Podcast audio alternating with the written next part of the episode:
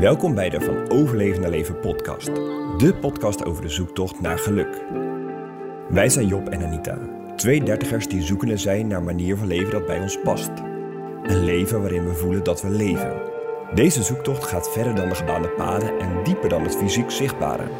We ontdekken nieuwe wegen waarbij we soms vastlopen op een doodspoor.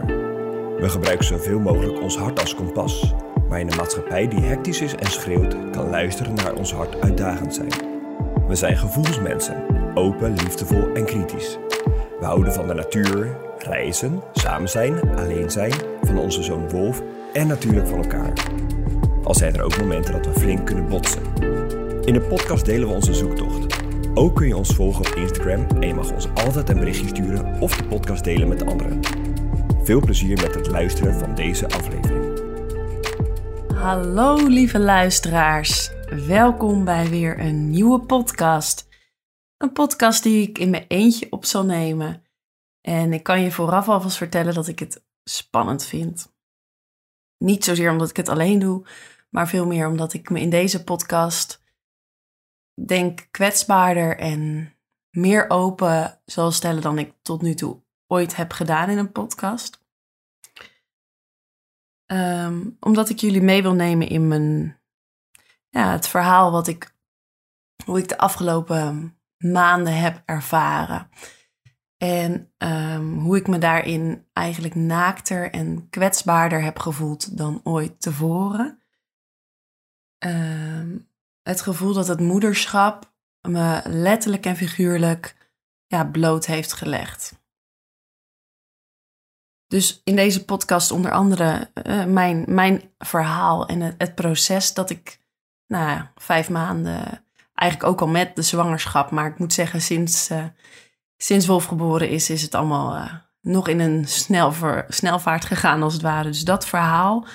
Um, daarna wil ik ook kijken naar, oké, wat hè, het verlof, mijn verlof is nu geëindigd. Goh, heel veel mensen vragen natuurlijk: wat ga je doen? Hoe ga je dat aanpakken? Oppas dit, oppas dat, opvang. Um, maar op dit moment ga ik niet terug. Daarover straks ook meer. En um, ik wil hierin ook in deze podcast benoemen: oké, wanneer durf je te zeggen dat het misschien even niet zo goed gaat? Wanneer durf je um, je grens aan te geven terwijl deze niet zichtbaar is? Omdat het niet iets fysieks is, maar mentaal, emotioneel. En um, ja, wanneer, wanneer doe je dat? En daar ga ik ook over het, ja, het oordeel van de anderen, wat anderen erop hebben, daar zal ik ook nog over praten. En dat naar aanleiding van een podcast die ik laatst ook trouwens op Instagram gedeeld heb op onze stories. Een podcast van uh, Door Noortje. Uh, bij haar ook nummer 38 trouwens toevallig. En die gaat over uh, dat we eigenlijk altijd maar onze grenzen overgaan. En wanneer zeggen we nou een keer dat het niet meer gaat? En dat we dat eigenlijk al van kinds af aan hebben aangeleerd om altijd maar over je grenzen heen te gaan. En dat dat gewoon normaal is geworden. Mm, en dat, dat zette zoiets in me aan dat ik dacht, ja, dat is precies wat er gebeurt. En ik had zoveel herkenning. Ik kan je die podcast ook zo aanraden. Dus daar wil ik straks ook nog um, eventjes um, nou, naar kijken van, goh, wat, wat, wat, wat is dat eigenlijk? En waarom hebben we altijd maar zo'n oordeel? Eerst dus mijn verhaal. Het proces. Je kent, als je de podcast vaker luistert, ken je ons verhaal al van ons samen en hebben we je meegenomen in de, in de kraamweek, de bevalling, al die dingen. Nou, dat, dat blijft hetzelfde. Um, maar in deze podcast wil ik vooral kijken naar hoe heeft het mij als mens, als vrouw, echt vanuit het vrouw, uh, vrouwelijk oogpunt, wat heeft het met mij gedaan? En um, ik wil eigenlijk beginnen met een gedichtje die ik hier, hierover schreef omdat dat misschien meer zegt dan heel veel woorden. Ik pak hem er even bij. Wie ben ik wanneer ik mij ontdoe van rol en van naam? Oordeel van de ander gewoon mag bestaan. Ik weet wie ik ben wanneer ik doe wat moet. Maar wie ben ik wanneer moeten niet meer hoeft? Angst houdt gevangen, heeft ons in haar macht. Maar wat gebeurt wanneer je naar haar lacht? Met dit gedicht wil ik eigenlijk zeggen dat het ego dat ik in al die jaren, eh, 31 jaar op deze aarde nu, heb opgebouwd en eigenlijk het karakter, de buitenkant, hetgeen dat mensen van mij kennen en zien. En dat is veelal toch ja, sportieve jonge vrouw, lekker uh, sociaal, actief, uh, een doener. Nou, dat, echt dat karakter, die buitenkant. Mensen die denken dat je dat bent. En door de hele zwangerschap, bevalling en het, het moeder zijn, bestaat ze niet meer, om het maar even kort te zeggen. Ze bestaat ook nog, nee, dat zeg niet goed. Ze bestaat ook nog, alleen het lukt haar niet meer om maar continu dat te zijn, om continu vol gas alles te doen. Ehm, eigenlijk voelt het een beetje als, als een een vlinder die in een kokon zit en je zit daar lekker, je hangt daar ergens aan een boompje en die kokon is stevig en sterk en, en daarin voelt de vlinder zich veilig en geborgen, het is er warm. En op een dag komen er scheurtjes in die kokon en komt er wat licht naar binnen. En dat zie ik dan als het ego, hè, die kokon als het ego. En uh, nou, er gebeurt iets in je leven waardoor er scheurtjes in dat ego ontstaan. Bij mij is dat uh, het moederschap, maar vooral het heel, heel weinig slapen. En het heel erg tegen mezelf aanlopen. En dat ik me af ging vragen, waar loop ik nou tegenaan? Ja, ik kom er steeds meer achter dat dat dus mijn ego is. Dus die kokon, die begint te scheuren. En er komt steeds meer licht van binnen. Maar dat is hartstikke eng, hartstikke spannend. Want het voelt enorm naakt. En op een gegeven moment zijn er zoveel scheurtjes ontstaan en is die vlinder zich zo aan het bewegen daarbinnen dat de kokon breekt, scheurt, wat dan ook. En dat die vlinder met moeite die, die vleugels, ik zit mee te doen, die vleugels probeert uit te slaan om die kokon uit te komen. En op dit moment heb ik het gevoel dat mijn kokon er niet meer is, maar dat ik ook nog niet kan vliegen. Dat is eigenlijk precies wat het is. Dat besef ik me nu.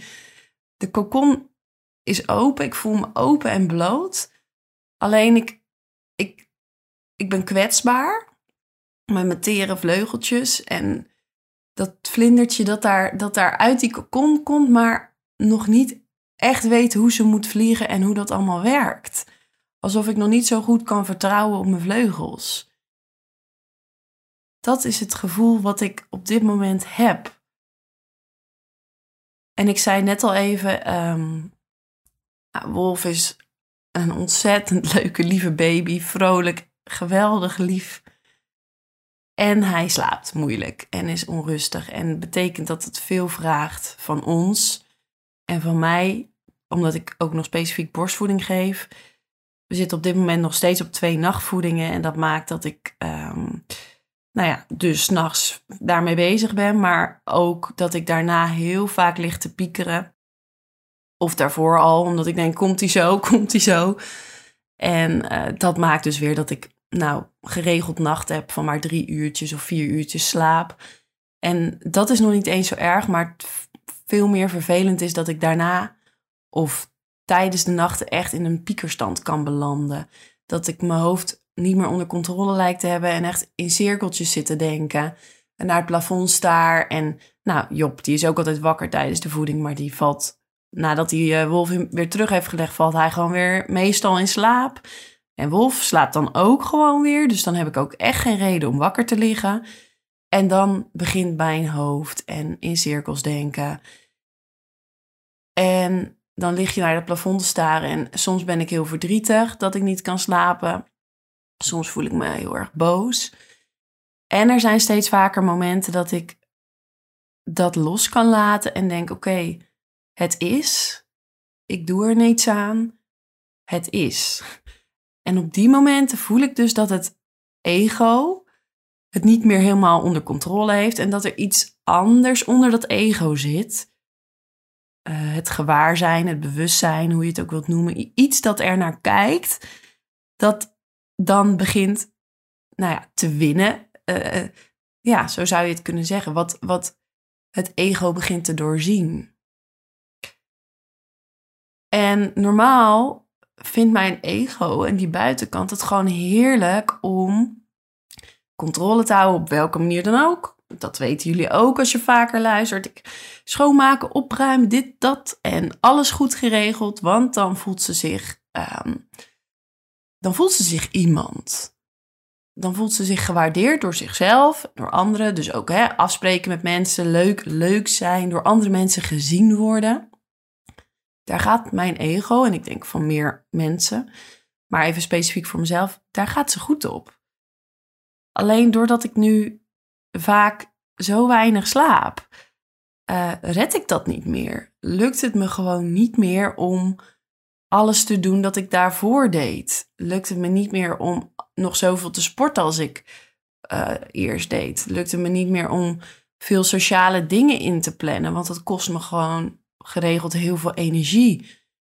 En lukt het me dus op dit moment ook niet om weer te starten met mijn werk. Want ik weet niet van welke energie ik dat moet doen. Omdat alle energie op dit moment gaat naar Wolf en mezelf. Dus dat ego, die, die, ja, die, die, is, die kan niet meer wat ze normaal deed. En wat ik dan merk is als ik dan een paar nachten echt heel slecht heb geslapen, nou dan is er vaak altijd zo'n breekmoment, of dat nou s'nachts of overdag is, dat ik weer heel erg moet huilen. En dat ik echt zeg, nou ja, waarom, waarom gebeurt dit? En ik wil gewoon slapen en ik wil, wil mijn oude leventje, om het zomaar weer te zeggen, oppakken. Niet per se het werk dat ik deed, maar gewoon weer kunnen functioneren, meedoen in de maatschappij, zingeving ervaren, uh, voldoen aan, weet ik veel. En op die momenten, dan, dan breekt er iets.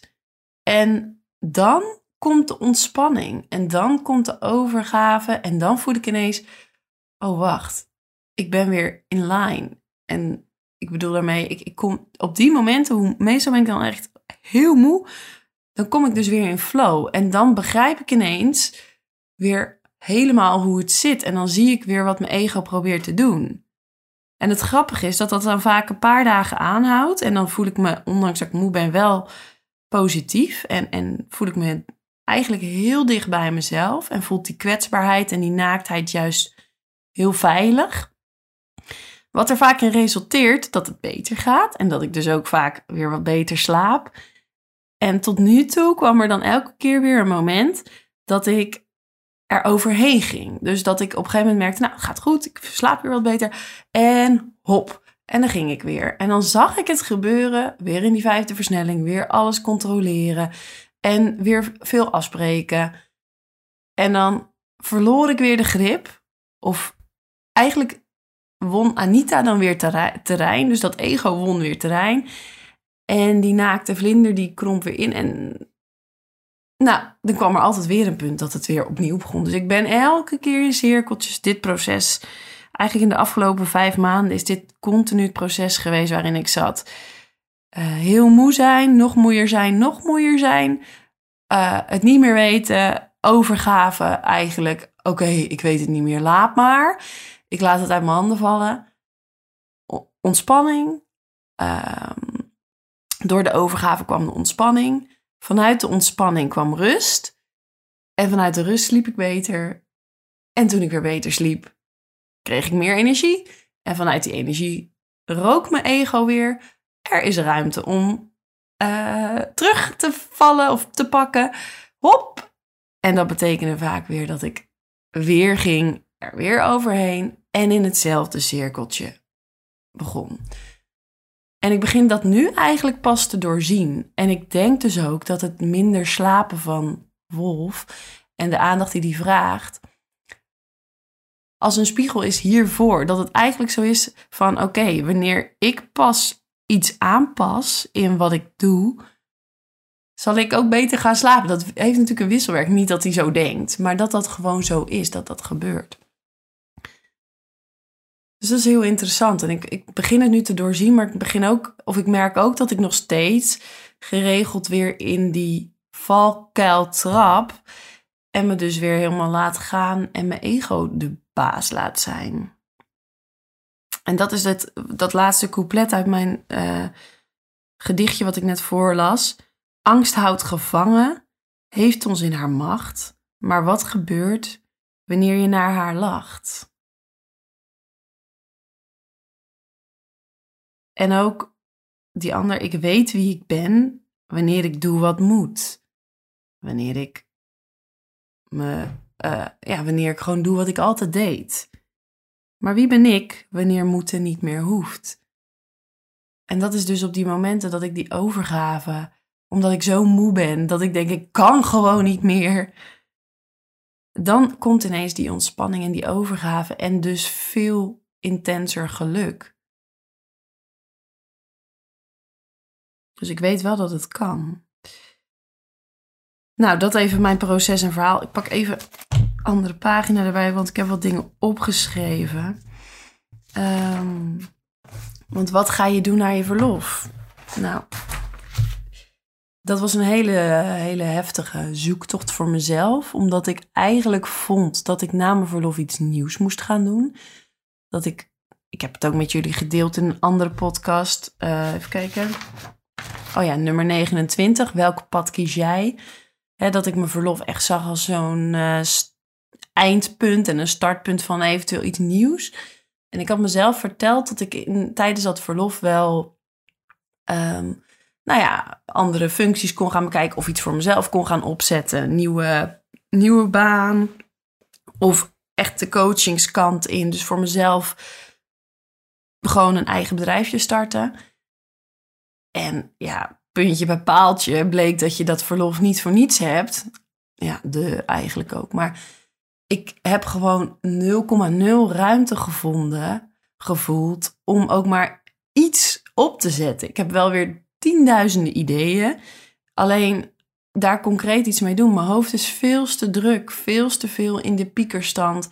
Mijn lijf is veel te moe om om te zeggen, nou, hup, ik heb in die vijf maanden heb ik en mijn kindje um, zo groot gekregen als dat hij nu is. En ik heb ook nog eventjes een eigen bedrijf opgestart of een nieuwe baan geregeld. Het is me gewoon niet gelukt. En daarnaast, of aan de andere kant, dacht ik ook de hele tijd, ja, maar ik wil ook niet terug in de functie die ik had. En dat was continu een strijd van ik, ik wil niet, ik wil dat. Maar eigenlijk besefte ik me toen, ik kan het eigenlijk allebei op dit moment even niet. Ik kan en niet iets anders en ik kan niet iets nieuws starten. Want daarvoor heb ik nu de energie gewoonweg niet. En aan de andere kant, met welke energie zou ik nu in godsnaam drie dagen in de week gymles moeten geven? Als ik al de normale gang van zaken in het leven nu bijna niet, nou ja, wel aan kan, maar dat dat het gewoon eigenlijk even is. En ik denk dat ik in december pas mezelf dit toestond om in te zien. Want ik dacht gewoon, nou, ik moet of iets nieuws starten, of ik ga in januari terug. En dan uh, ga ik gewoon overleven en het weer doen zoals ik deed. En gesprekken met verschillende mensen en, en ook uh, heel veel in mezelf zoeken. Maar vooral gesprekken die gaf mij ineens een spiegel van, ja, maar niet, kan je eigenlijk wel terug? En daarom vond ik die podcast, die luisterde ik eergisteren van Door Noortje.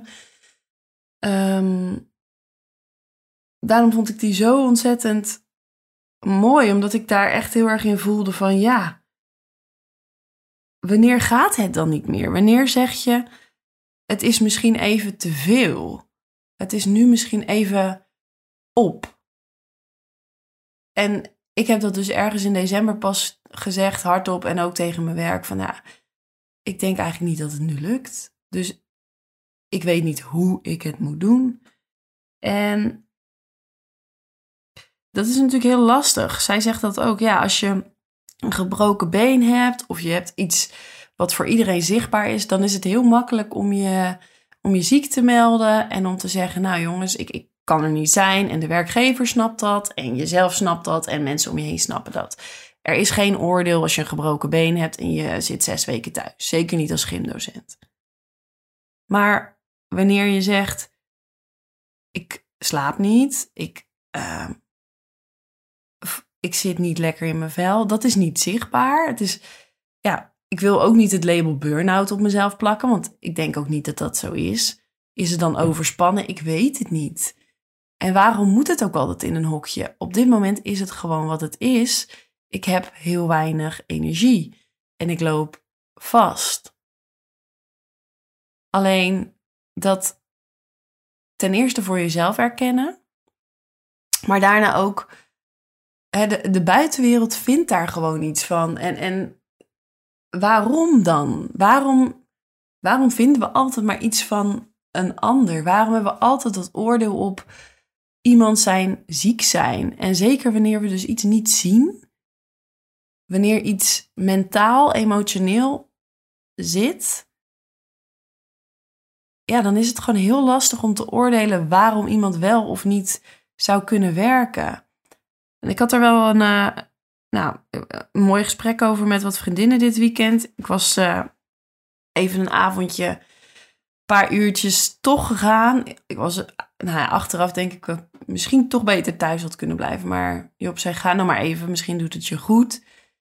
En daarin hadden we ook hierover en wat het allemaal met me had gedaan. En één vriendin die is um, al een stuk langer moeder en die was veel jonger en veel eerder. En zij zei, ja, ik, had, ik heb dat ook ervaren, maar ik ging gewoon. Ik moest gewoon. Ik ging gewoon door. Want ja, wat is de keus? Niemand die kent dit nog van je vriendinnen. Maar ook, ze zei, ja, ik, had, ik vond niet dat ik een keuze had. Ik ging gewoon door. En ik heb daar toen best veel over nagedacht nog daarna. Want ik dacht, ja, moet ik dat ook niet gewoon doen? Niet gewoon weer doorgaan? Want ik ging heel erg twijfelen. Kan ik niet gewoon wel, weet je wel? Eh, als ik alles op alles zet, dan moet misschien die drie dagen werken toch wel weer lukken. En dan, als je echt wil, kan het dan niet. En toen, nou, toen sliep ik weer een paar nachten slechter. En toen dacht ik, nee, dat kan gewoon niet. Laat ik zo zeggen, het kan misschien wel, maar ik wil het niet meer.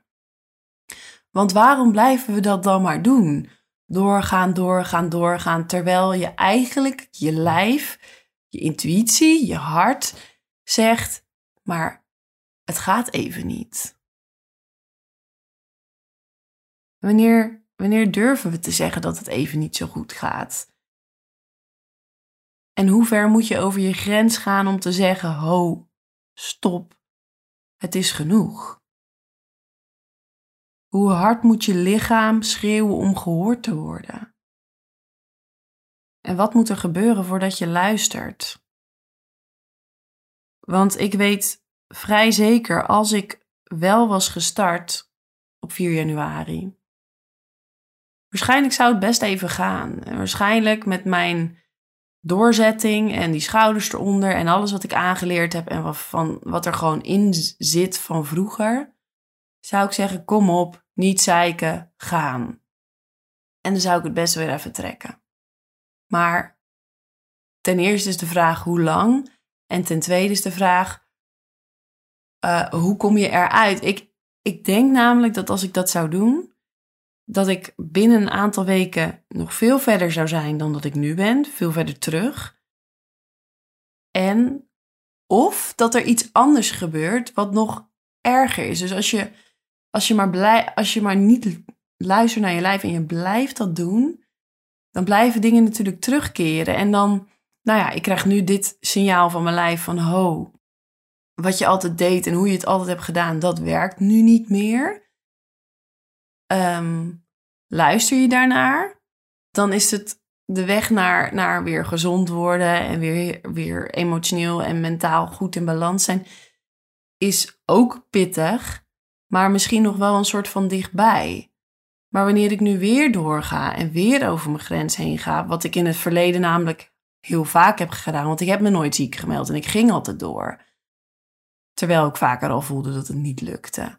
Maar wanneer ben je nou ziek? Ja, uh, zeker als gymdocent, als überhaupt docenten. Iedereen gaat altijd maar door. Pilletje erin, hup. Dat is wat we geleerd hebben, dat is normaal.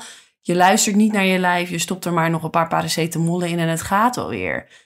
En zo heb ik ook altijd gedacht en gedaan. En, en nu kan ik weer zo door. Alleen dan denk ik dus dat er misschien over een aantal, nou, weet ik veel wanneer, komt er weer iets bij, waardoor uh, misschien krijg je dan wel hartproblemen. Omdat je je hart maar niet blijft volgen. Of omdat je gewoon maar door blijft knokken. Uh, en, en de vraag is, hoe ver moeten we het laten gaan voordat we zeggen, het is nu genoeg. Ik meld me ziek. Het is voor mij ook een hele struggle geweest. En nu nog steeds. Maar het voelt nu wel, het voelde heel erg als een opluchting om uh, net voor die her, kerstvakantie um, had ik een gesprek met de bedrijfsarts en om te erkennen van ja, het is nu even dit en ik weet het nu gewoon niet. Ik weet niet hoe ik iets anders moet doen, maar ik weet ook niet hoe ik moet doen wat ik deed. En dat geeft heel erg veel ruimte en tegelijkertijd ook heel veel dat is de normale ja, manier van, van gaan. Normale manier van leven, zoals wij het als normaal hebben bestempeld met elkaar. En we hebben al snel een oordeel op mensen die het misschien, um, nou, die, die aangeven dat iets niet lukt of wat dan ook. We, hebben zo snel een oordeel op, op elkaar. En dat is iets wat me ook elke keer weer zo'n zo'n pijn doet. Om, om en mensen te helpen. Alleen ik moet nu eerst voor mezelf zorgen. Ik moet eerst mezelf helpen. En op de een of andere manier is ons in de maatschappij en houden we elkaar daarmee in stand, is gewoon eigenlijk van nee, ja, je gaat gewoon door eerst de ander, eerst dat, eerst dit en dan misschien een keer jezelf. Ja. En veel van ons hebben dat ook in de opvoeding gewoon meegekregen. Ja, je niet piepen doorgaan, niet zeuren. En ergens zit daar natuurlijk ook heel veel kracht in. En, en ik heb zelf ook dat vuur in mezelf van aanpakken en gaan. Ik, ik vind dat ook heel fijn. Alleen het is de vraag vanuit welke energie je het doet. En vanuit ben je gecentreerd en bij jezelf en ga je vanuit daar dingen doen of doe je de dingen omdat ze moeten, terwijl je eigenlijk voelt dat het of niet bij je past of omdat het niet meer gaat? Of doe je het, nog een vraag, om wat anderen ervan vinden? Blijf je maar doen wat je doet? Blijf je maar gaan omdat anderen misschien anders raar vinden dat je zegt dat het een keer niet lukt? Of dat je bang bent. Eigenlijk zijn we gewoon altijd bang om afgewezen te worden. En eigenlijk niet wij, maar je ego is bang om afgewezen te worden. Ik merk dat bij mezelf ook. Elke keer denk ik, ja, maar wat vindt die er dan van als ik dit niet doe? Of juist wel doe? En het is eigenlijk gewoon niet belangrijk. Het oordeel van de ander zegt puur en alleen iets over die persoon. Niet over jou. Alleen dat doorzien is al heel uitdagend. En er vervolgens naar leven nou, dat is waar ik nu heel erg mee oefen. Om het oordeel van de ander echt bij de ander te houden. En ik had dat na die ontmoeting met die vriendinnen. Helemaal, was helemaal niet haar bedoeling. En het was ook, dat was ook puur weer van mezelf. Maar doordat zij zo had gezegd, ja, ik ging gewoon door. En ik. Mm. En toen had ik dus gelijk die, die nacht, dacht ik weer, ja, ja, misschien moet ik dat dan toch ook maar gewoon doen. Gewoon door, door. Ja, vinden mensen me niet zwak? Vinden mensen niet dat ik nu me aanstel en, en eh, piep. En nou ja, toen lag ik die hele nacht dus veel wakker en de nacht daarna weer. Dus toen besefte ik me ook wel weer, oké, nee, nee, Aniet, het gaat inderdaad even niet. Ik kon mezelf weer terugroepen en ook... Het is juist ook heel mooi dat je dat op zo'n avond dan even krijgt en weer bij jezelf moet denken: oh, oké, terug naar mezelf. Waarom was. Nee, ik voel dit, het is goed ik mag het oordeel. Niet dat zij een oordeel heeft op mij hoor. Dat denk ik niet. Maar al zouden er mensen er wat van vinden, dan is dat bij hun, dan laat ik dat bij hen. Ik kies nu voor mijn eigen herstel, fysiek, mentaal, emotioneel, omdat ik voor mijn kindje wil zorgen en voor mezelf en ook voor de wereld om me heen, want ik vind het heerlijk om mensen te helpen. Dat is hetgeen waar ik zo enthousiast van word. Om mensen te inspireren, om mensen te begeleiden, om goede gesprekken, om echt diep te luisteren. Dat zijn dingen waar mijn hart van op hol kan slaan, waar ik kippenvel van kan krijgen. Ik wil dat met zoveel toewijding doen. Alleen dat gaat pas als ik weer zelf lekker in mijn vel zit. Als ik weer gecentreerd ben en beter slaap en mijn piekergedachtes meer kan controleren. En dat is nu waar de focus op ligt. Om deze podcast af te sluiten wil ik jullie iets, uh, wil ik iets doen. Wat ik eigenlijk uh, nog nooit, nee, wat ik gewoon nog nooit heb gedaan. Wat ik super spannend vind. Um, maar dat is een liedje die ik de laatste tijd heel vaak in mijn hoofd heb. Van uh, Marco Borsato. Vlinder heet hij. En er is een stukje tekst, een, een drie coupletjes of zo, wat ik uh, nou ja, heel vaak gewoon in mijn hoofd krijg. En een soort als een mantra dan ook voor mezelf zing. En nou, ik vind het echt super spannend, maar ik ga het, ik ga het voor jullie zingen. Even de keel schraap hoor. Weet dat de tijd je zal helpen. Geloof maar gewoon wat ik zeg.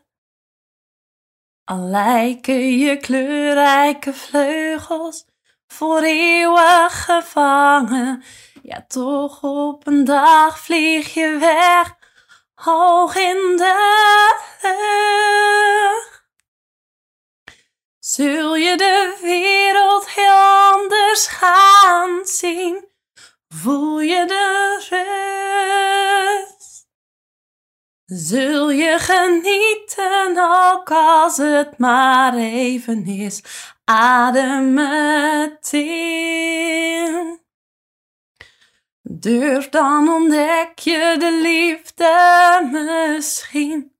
En als je haar vindt Voel je bij iedere stap die je maakt dat je leeft. Oh my god, mijn hart staat op hol. Och, jeetje. Het was. Uh... Ik hoef mezelf ook niet te kleineren. Ik wou zeggen, het was niet helemaal zuiver. So be it. So be it. Dit is wie ik ben. In alle naaktheid, puurheid en openheid. De kokon is opengebroken. Ik zie het licht. Ik zie dat ik mag gaan vliegen. Alleen ik ben nog zo aan het oefenen met mijn vlindertjes, met mijn vleugeltjes. Om die vlinder te zijn. En dit liedje zegt: Je hoeft niet meteen een vlinder te zijn. Je hoeft het nog niet allemaal groot te kunnen. Het begint klein. Het begint bij jezelf. Het begint van binnen. Het begint bij durven zijn wie je bent. Het begint bij oordeel van de anderen durven los te laten. Voor jezelf te kiezen. Vanuit liefde, niet vanuit egoïsme, vanuit liefde en oprechtheid. Om vanuit daar jouw bijdrage aan de wereld te geven. En ik hoop dat ik mijne mag gaan waarmaken. Maar eerst nu even dit. Eerst ik. Eerst Wolf. Eerst het gezin en vanuit daar kijk ik verder. Dankjewel voor het luisteren van deze podcast. En uh, ik hou jullie op de hoogte van de ontwikkelingen op het gebied van alles. Dankjewel. Doei.